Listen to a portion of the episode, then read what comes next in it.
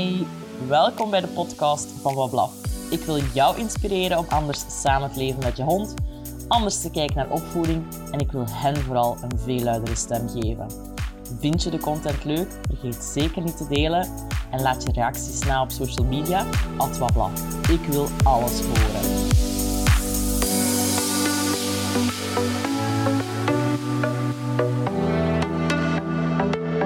Welkom bij alweer een nieuwe aflevering van Bewuste Hondenmoeders. Ik zit hier met Ayla Verschuren en wij gaan het hebben over holistisch fokken. Ayla, welkom in de podcast. Hallo. Vind je het spannend? Ja. We gingen normaal over iets helemaal anders praten, Ja. maar ja, je bent eigenlijk recent begonnen met... ehm, ja, je hebt je aanbod uitgebreid en je, Mhm. zijt, je hebt daar een extraatje aan toegevoegd, namelijk de focus op het holistisch fokken van honden. Explain. ja. Wauw. Ja, eh, hoe moet ik dat uitleggen? Of misschien moet ik gewoon het verhaal vertellen van Ja, van vertel hoe dat, hoe dat erop gekomen is. Het hele gebeuren met Kina. Ja, misschien hebben we elkaar wel gekocht met in, dag, in het achterhoofd van... Ze komt van een goede fokker, de goede lijnen, eh, om er misschien ooit toch een nestje mee te Ja. hebben. En ehm, dan ja, ook maar alle testen gedaan, dat een DNA in orde was. de heupen waren allemaal in orde. Dus ja, dan, dan was het geklonken hè, om, om uiteindelijk toch de keuze te maken van we gaan een nestje hebben. En Ja. dan begon te kriebelen. Maar ja, Kina die werd niet constant loops, allee, of niet op regelmatige Ja. tijdstippen. Dus dat Dat was wel een probleem als dat wij ook kunnen ervaren. Hè. Ja, met die hormonen en cyclus. En kijk, toevallig ben ik bij een osteopaat acupuncturist, ehm, Chris de Keulaar, met Moby daar terechtgekomen voor zijn issues, eh, senior hond. Ja, En dan daar de vraag gesteld van, ja, hè, Kina wordt niet loops en ik zou er graag een nestje mee hebben. En ze, ze zeggen toch altijd, tussen de drie en vier jaar is echt wel ideaal. En ze was dan al drie jaar, dus mm, begon Ja, al een beetje te, ja. te nijpen. En eh zij heeft Kina dan behandeld, ja, we- met gedacht, we zullen wel zien. En dan een paar maand later, denk ik, na twee of drie sessies, eh, is ze dan uiteindelijk loops geworden. oké. En eh, ja, dan is alles begonnen. Ja. Het is die ervaring van het fokken met Kina ja. dat u ertoe gebracht heeft van wow, er is in een bepaalde manier waarop dat er gefokt wordt, waar Ja. dat ik mijn ervaring in wil delen? Of Ja, sowieso, de fokkerswereld is echt een harde wereld. Allee, dat, dat heb ik gemerkt langs alle kanten. De zoektocht naar een dekreu, eh, alles gaan uitpluizen. Maar dan even goed aan wie dat je raad kunt vragen en wie niet. Want Ja. ik heb, godzijdank, Shana eh, gehad als, als ja, steunpilaar, Ja. om het zo te zeggen. Shanna die fokt naakthonden zeker, hè? Naakthonden en Ja. aussies. Ja. Dus, allee, aussie, border collie, het ligt wel dicht bij elkaar. En die was ook bereid om echt bij de bevalling te zijn. Want ja, allee, dat, is, dat, dat vond ik nog het spannendste moment, is die bevalling zelf. Ja. Want daar weet je echt helemaal niks van. Hè? Allee, ik ben dan puppycoach en ik kan richting die socialisatie al van alles gaan doen. Maar ja, dat bevallen en, en dat mini-wezentje in je handen hebben en zien dat dat allee, zijn leven kan verder zetten, dat, is, allee, dat was toch wel... Het is eigenlijk heel waardevol dat je zegt van ja, ik ben dan puppycoach, maar eigenlijk is dat wel een belangrijk moment om meegemaakt te hebben Ja. en daaruit te kunnen leren om Ja, advies te kunnen geven. Ja, want allee, in mijn aanbod dan zou ik sowieso geen advies kunnen geven in, in de bevalling. Want uiteindelijk heb ik het niet meegemaakt, want het is een keizersnede geworden. Ja. Maar dus sowieso eh, de periode daarvoor, voordat eh, ja, de puppies geboren worden, maar dat mama wel zwanger is. Allee, ik heb ervoor gezorgd dat Kina dus zo weinig mogelijk stress had. Ja. Zo weinig mogelijk andere honden gezien, want ik wist dat zij reactief kon reageren. Eh, ja, eigenlijk zoveel mogelijk thuisgebleven op ons gemak in, in, in onze kokon. Maar dus daarin kan ik dan wel mensen begeleiden. En dan zeker een keer dat de geboorte is. Ik heb het nu allemaal meegemaakt. eh, Ja. Hoe dat je het kunt opbouwen. En de socialisatie. En allee, alles wat ik gedaan heb eigenlijk. Mhm. ja. En wat maakt dat, dat je het gevoel hebt dat je het anders kunt doen dan hoe er vandaag gefokt wordt? Want je zegt het is een harde wereld. Wat wilde daarmee zeggen? Ik denk vooral naar de individuen kijken, naar de puppies. Mhm. Van wie is wie? En, en wat heeft de ene nodig of wat heeft een andere nodig? En dat begint al letterlijk als er eentje wat minder weegt, dat je die ook meer gaat aanleggen of gaat bijvoederen. Allee, of dat je daar eigenlijk al mee bezig bent. Ja. En ik denk, allee, dat weet ik natuurlijk niet, dat sommige fokkers dat zelfs niet doen. Allee, dat is zo, die eerste weken, ze zijn bij haar moeder en die zal de plan wel trekken. Ja. Maar ja, het is constant opvolgen. Hè. Ja. Dus echt meer focus, zelfs al tijdens die eerste momenten op het individu. Hè? Ja. Op wat heeft dat klein pupje nodig? Hoe, hoe zie jij de fok aan zich? Want ik denk dat er wel mensen zijn die gaan luisteren en ik ben daar zelf denk ik ook wel bij. Voor mij is fokken een, een dubbeltje zo. Is het goed, is het niet goed? We gaan selecteren in bepaalde karaktereigenschappen, ja, fysieke eigenschappen. We zijn een beetje soms God aan het spelen. Hoe sta jij daar? Ja, je hebt natuurlijk zelf gekozen om een nestje te fokken, maar hoe Ja. zie jij dat, het hele fokgebeuren binnen Hondenland? Ja, normaal gezien is het fokken om, om het ras te gaan verbeteren. Hè? Mhm. Maar ik denk, in mijn ding, dat ik vooral gefokt heb omdat ik zelf een puppy wou.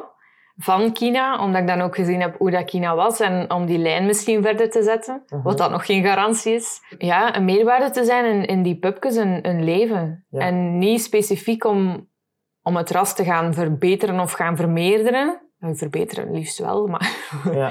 you never know. Maar gewoon om, om iets beter te betekenen in die puppies hun leven. Ja. Want Het denk is dat niet dat- vanuit het standpunt van, oh ja, hè, want veel mensen zullen zeggen, er zijn al honden genoeg. Ja, ja, Eh, Adopt, don't shop. ja.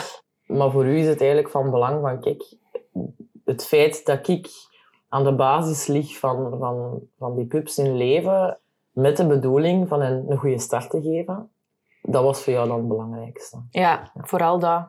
En zelfs de overgang naar de nieuwe baasjes, om dat zo goed mogelijk te begeleiden en om er te zijn voor, voor iedereen dan, voor de nieuwe baasjes, ook voor de puppy. Ja. Allee, ik heb het proberen zo goed mogelijk allemaal te doen, door anderzijds de baasjes heel veel op bezoek te laten komen, maar evengoed, ik ben ook bij allemaal, behalve Doris in, in Kroatië, ben ik bij iedereen een keer langs geweest met de Ja. puppy, zelf met de groep. Allee, Ja. Dus ze hebben eigenlijk alles al eerste keer leren kennen voordat ze naar die nieuwe thuis gingen. Ja, Definitief dan. ja.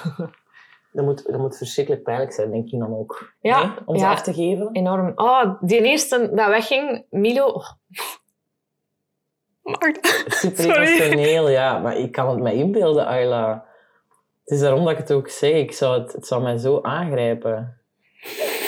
Oh, sorry. Nee, dat is niks. Even blazen.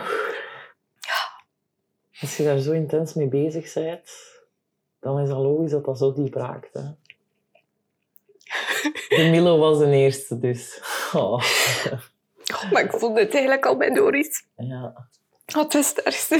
Oh. Sorry. We moeten maar knippen. Je moet niet sorry zeggen. Ja. De- dus eh, de eerste die wegging. Oké, de eerste die wegging, Milo, echt, die was vertrokken. En ik kreeg een berichtje van, van iemand die er ook mee bezig was. En ja, oh, dat je dacht dat je een levend wezen verkoopt. Ja. Voor geld. Zo stoem. Ja. Ja. Maar langs de andere kant, allee, ik heb zwaar verlies gedraaid door maar vier pubs te verkopen. Allee, drie maar. Ik heb er eentje gehouden. Maar het was het allemaal zo waard. En ja, Ja. dat je daar dan geld voor vraagt, het, uiteindelijk is dat normaal. Maar vind, ik vind het zot hoe dat je emotioneel wordt over het conflicterende. Hè, want ik begin over het feit dat het fokken, dat dat zo wat ethisch, is dat verantwoord, niet verantwoord? Ja. Hè? Dat is een vraag waar dat ons, allee, dat is zoiets waar we ons vragen bij stellen. En het feit dat je als fokster dan eigenlijk heel eerlijk durft zeggen van ja, ja, ik heb daar eigenlijk al sowieso geen geld aan verdiend, maar het was het zo hard waard. Ja, ik denk dat dat de fokkers zijn waar dat je met heel veel plezier ja, je beste vriend gaat halen. Hè. ja nice. Ik heb dat gemerkt bij, bij de pubkopers ook. Zelfs, allee, want ik had een, een wachtlijst van meer dan tien. En ik wist dus niet hoeveel dat er gingen inzitten, want ik heb dus geen RX laten nemen met gedacht, allee, dat is te veel straling voor een moeder en Ja. pups. Maar dus dan weet je ook niet hoeveel puppies dat er gaan komen. En omdat eh Kina, haar mama, heel veel grote nesten heeft gehad, dacht ik van, ja, ik moet gigantisch veel mannen op mijn wachtlijst hebben staan. Blijkt dat er maar vier uitkwamen tijdens Ja. de keizersnee, dus verrassing. En die rit naar huis wist ik eigenlijk al perfect. Die vier die mensen. hebben een optie. Ja. Ja. En ja, die zijn ook constant over de vloer gekomen. En Ja. allee, gelijk dat je zegt, dat zijn mijn beste vrienden geworden. Ja.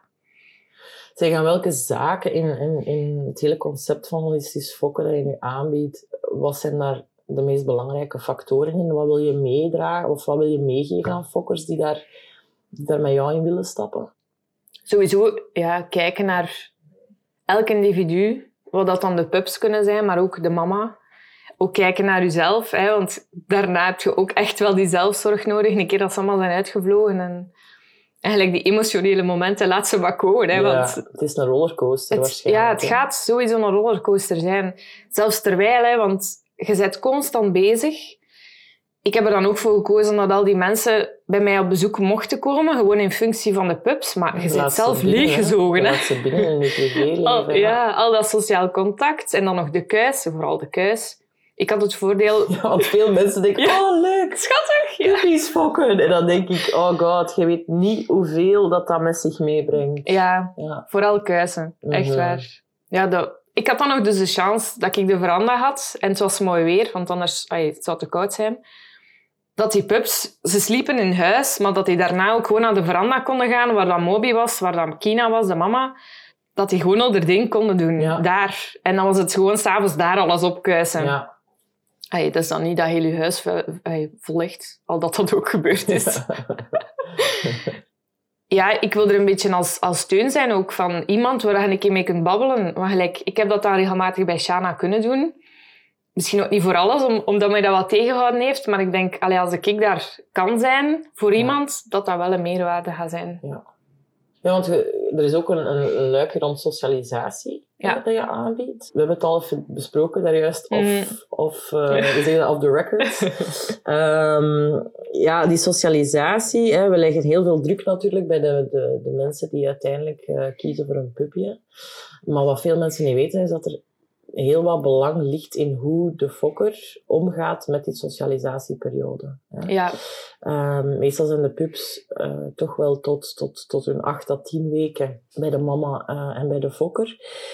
Wat zijn zaken dat jij ziet als socialisatie en hoe pak je dat aan? dat is eigenlijk alles. Hè. Allee, het, het binnenbrengen van geluiden, geuren, ja, alles heel compleet. Zelfs, ehm, ik heb dan bewust ook gekozen om bijvoorbeeld de bench te gaan socialiseren. Mhm. Omdat je weet niet waar dat de pups naartoe gaan. En misschien willen die baasjes wel dat die pup in de bench gaat. Dan wil ik niet dat die allee, in een nieuwe omgeving al direct in een bench wordt gestoken. Ja. Dus dat al gesocialiseerd werd. Maar even hoe... Ik wist dat Kina haar pijnpunten, zogezegd, eh dat dat andere honden waren en kinderen. Dus daar heb ik wel specifiek ook op ingezet. Dat dat op een positieve manier gebeurt. Hè. Dat kinderen geïntroduceerd worden, maar ai, in hun veilige, in de pups, hun veilige omgeving. Dus ik ga ze ook niet meepakken naar weet ik veel waar. Dat er... Ja, nee, liefst niet. Hetzelfde ook eh, met andere honden. Die zijn eigenlijk... eh, in eerste instantie zijn er andere honden naar ons thuis gekomen. Wel zonder Kina dan, want ja, die kon reactief reageren. Dus ik wou niet ook dat de pups eh, dat zouden Die stress zien. voelde van mama. Ja. ja. Eh, en dat is eigenlijk keigoed verlopen ook. Allee, natuurlijk ook selectie in welke honden dat je binnenlaat. Allee, Dat je daar al een evenwicht in vindt van Ja, dat welke dat ook- honden zijn oké met pups. En kun je Ja. toch wel een beetje zelf remmen op, op eh, dat ze daar niet te veel overweldigend eh, contact Ja. mee zoeken. Voilà. Ehm, maar we zijn even ook naar de zee geweest. Wel ook zonder mama, want we waren maar met twee. En dan uiteindelijk, mama die kon reageren op, op, ehm, op andere honden, dacht ik van, oh, we gaan dat niet doen. Ja. Letterlijk, ik denk 20 minuten dat we daar geweest zijn, dat die rondgecrossed hebben en die vielen in slaap. Dus dan was het ook gewoon de boel oppakken, terug Ja. in de auto eh, en ze laten slapen. Dan is het een autorit ook al samen gedaan eigenlijk. Ja. ja. Ja, de autorit. Ehm, allee, dat zijn dingen waar ik zelf uit leer. Ik heb het iets te snel aangepakt, maar dat is wat ik wel aan andere mensen kan meegeven. Alles, alles is eigenlijk socialisatie. Alles, ja, dat is gelijk een baby die niks kent. Maar dat dan op een positieve manier gaan... Het is een beetje gelijk dat ik eh, met Anne ook besproken had. Hè. Het gaat vooral over, over die, vei- allee, die veilige omgeving kunnen creëren voor die pups. Ja, Dat zij, de, dat zij iets of iemand hebben om op terug te vallen, om, om op te steunen. Zijnde het de nestgenootjes of, of jij als fokster, die ze vanaf Ja. dag één eigenlijk ja, contact mee hebben, positief contact mee hebben, of met de mama erbij. Ja. En dat is vaak waarom dat ik denk van ja, socialisatie bij de nieuwe hondenouders vind Mhm. ik een moeilijke, omdat daar moet die veiligheid en vertrouwen, dat moet nog opgebouwd worden. ja, En als je dan voor die fase, voordat die, die veiligheid er is, al gaat proberen socialiseren, dan staan die pups er eigenlijk, ook al hangen die aan uw leiband, er letterlijk alleen voor. Ja, zo is het. Daar wil ik ook echt op gaan inzetten met de fokkers. Zodat die puppy-eigenaren daar niet zo geforceerd van we zitten nog voor die twaalf weken Ja, nog van alles willen gaan doen. Want het is net dan belangrijk dat ze gewoon die veiligheid hebben en dat ze socialisatie. thuis kunnen rustig Ja. contact maken met de nieuwe mensen. En die socialisatie die is al een deel gebeurd en die kan daarna nog. Maar Ja. Ja. zodat zij gewoon op de tijd kunnen pakken. Ja. ja, heel belangrijk. Je had het daar juist ook over het feit dat je naar de osteopaat geweest bent. Ja. Met Kina, ik ging al met Moby. Dan Kina geraakte niet loops. Dus dan ben ik met Kina gegaan. En dan de pups, omdat er wagenziekte was. Ja, uiteindelijk één pupke. Maar als je bij nader inzien, ik zou het liefst vooral met allemaal nog gedaan hebben. Gewoon omdat je ziet wat voor effect dat dat gaat heeft.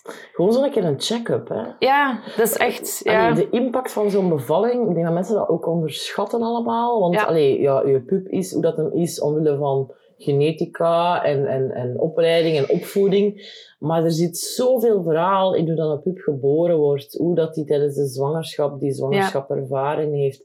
Want kei toevallig, het pupke waar ik mee naar een osteopaat geweest ben, die wagenziek was, was degene die vast zat in het geboortekanaal. En daardoor hebben we een keizersnee moeten doen. Ja. Dus Ja, en het is zo raar. Allee, raar is dat niet. Wij doen dat bij, hopelijk dat dat meer en meer gebeurt, maar wij doen bij baby's wel veel frequenter een check-up. En we beseffen wel dat de geboorte aan zich voor een babytje ook heel intens is, niet alleen voor de mama en de papa. mhm. Ehm, waardoor dat we wel frequenter naar de, naar de osteopaat... Oh my god, naar de osteopaat trekken. Om even dat babytje gewoon los te maken. Hè. Ehm, zeker ook babytjes die, die veel huilen, die, die moeite hebben met drinken of met aanhappen als ze Ja. borstvoeding krijgen. er zit sowieso iets achter. Dan kan zo'n blokkade Ja. allee, zeker wel een keer verholpen worden door, door, door dat type van, van medische hulp. Dus ik vind het heel waardevol dat je dat inzicht ook eh, meegeeft aan, aan fokkers, om dat met de pups te Ja, ik zou het liefst van al echt aan iedereen aanraden. Uiteindelijk, ik ben dan met Sega, dus de puppy die ik heb gehouden, eh, op zes maand geweest. En ik weet dat Sophie met Milo dan ook geweest is op zes maand. En blijkbaar zat bij hem wel het bekken vast. Dat is ook linkten aan, dat gaat misschien wel met de geboorte te maken gehad Ja. hebben. Dus Ja. Het is sowieso waardevol om Ja. op zes maand of ja, vroeger zelfs nog te gaan. Heel dat moment bepaalt... Allee, dat moment bepaalt het leven natuurlijk niet van die hond, maar heel het... het, het kan een impact hebben. de, de prefase van, van dekking tot effectieve dracht, tot bevalling, tot de eerste weken. Ja. Mensen onderschatten welke invloed dat, dat kan hebben op latere ontwikkeling voor allergieën, eh, voor gedragsproblematieken, darmproblemen. Het, het lijstje is oneindig eigenlijk. Hè. Ja, en dat, dat maakt dat ik dat heel speciaal vind en heel bijzonder vind dat je daar een soort van missie rond opgezet hebt. Ik heb zelf die ervaring nu gehad van de, van de nestje fokken Mhm. dat je de ervaringen die je zelf daarmee hebt gehad, dat je die ook wilt doorgeven ja. aan fokkers die misschien al jaren bezig zijn. Vind je dat niet eng? Ja, dat vind ik, dat vind ik vooral eng. Ik denk, de, de fokkers die ik nu in mijn hoofd heb, gaan zo de mensen zijn zoals mij, die zo, oh, ik wil dat voor de Ja, eerste keer proberen en ik weet het niet goed. Ja, de fokkers die al jaren bezig zijn, kan ik misschien wel gewoon inspireren en Denk je dat je de oude rotte gaat kunnen veranderen? geen idee. we zullen zien, we Ja. zullen zien. Je hebt nu al een ehm, gratis e-book online staan voor mensen die interesse hebben in Ja. ja. het hele tot leven brengen van puppies gebeuren, het hele fok gebeuren. Wat vertel je in je e-book? Het zijn een paar tips die ik al meegeef om een beetje te teasen in wat dat de mega grote online cursus gaat worden. En dan, ja, misschien gaat er ook wel een begeleiding bij zitten. Dus dan een stapje hoger nog. Ja. Dan heb je de online cursus en mijn begeleiding en socialisatie en foto's en Ja. meer. Ja, ik, ik vind het echt super boeiend wat dat, wat dat gaan doen zet. Ik vind het ook heel pakkend hoe dat je je ervaring omzet in iets dat je terug wilt geven. En vooral dan het feit hoe hard fokken gaat over effectief jonge honden op een positieve manier in de wereld te zetten, op een zo goed mogelijk manier in de wereld te zetten. Ja. Ook tot bij de juiste match, hè, de juiste ouders te brengen. ja. En daar denk ik ook gewoon levenslang aan blijven denken en, en ondersteuning bieden. ja, dat is echt dat is een beetje loslaten, maar, ehm, Maar ook niet. maar ook niet. maar ook niet. Ja. Nee. Ayla, super hard bedankt voor alle info rond de ervaring dat je hebt meegemaakt. Ik ben heel benieuwd wat er nog gaat komen. En ik denk dat dat zeker een grote meerwaarde kan zijn als het gaat over alle hondjes die nog in onze samenleving Ja. geboren mogen worden. Ja. Leuk. Mercietjes, tot de volgende misschien. Ja, sowieso. hè. Salut. Salut. Bedankt om te luisteren. Nu nog iets meer naar onze honden en dan zijn we op weg naar een betere wereld. Salut!